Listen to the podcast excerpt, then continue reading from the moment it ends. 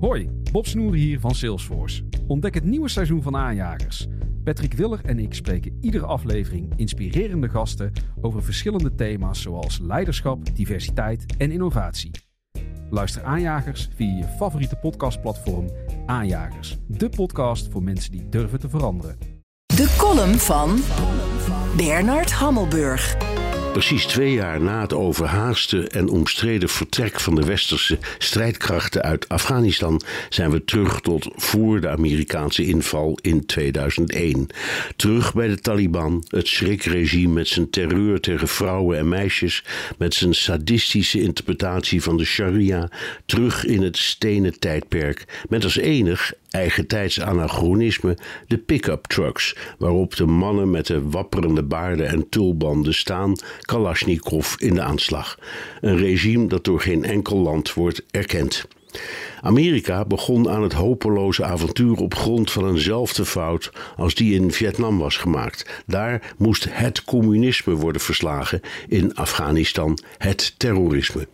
En al zaten Osama bin Laden en Al-Qaeda verantwoordelijk voor 9-11 in Afghanistan, het terrorisme viel evenmin te verslaan als het communisme. Solidaire bondgenoten deden mee, vol goede voornemens, zoals Nederland met zijn 3D-strategie diplomatie en ontwikkeling.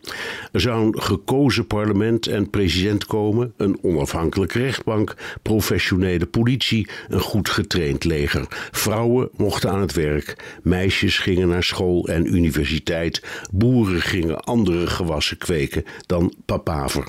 Een vuist vol illusies en een slagveld met bijna 200.000 doden.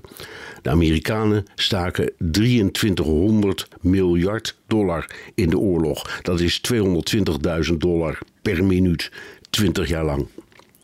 Het plotselinge vertrek van de Amerikanen in die laatste dagen van augustus 2021 was niet plotseling. Obama had de aanzet gegeven, Trump zette het versneld voort en Biden deed wat hij in zijn campagne had beloofd. Wat ze vergaten was de Afghanen mee te nemen die voor hen hadden gewerkt.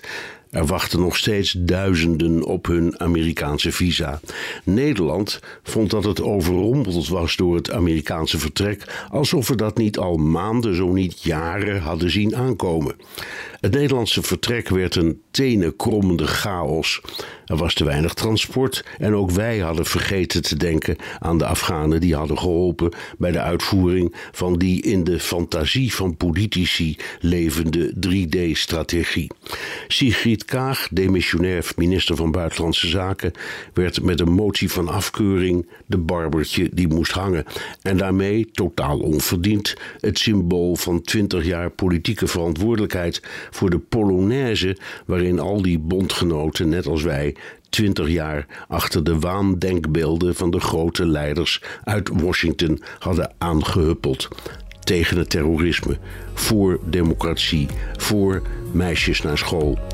Ik hoor het ze nog zo zeggen.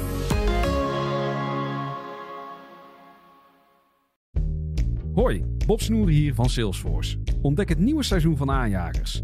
Patrick Willer en ik spreken iedere aflevering inspirerende gasten over verschillende thema's zoals leiderschap, diversiteit en innovatie. Luister Aanjagers via je favoriete podcastplatform Aanjagers, de podcast voor mensen die durven te veranderen.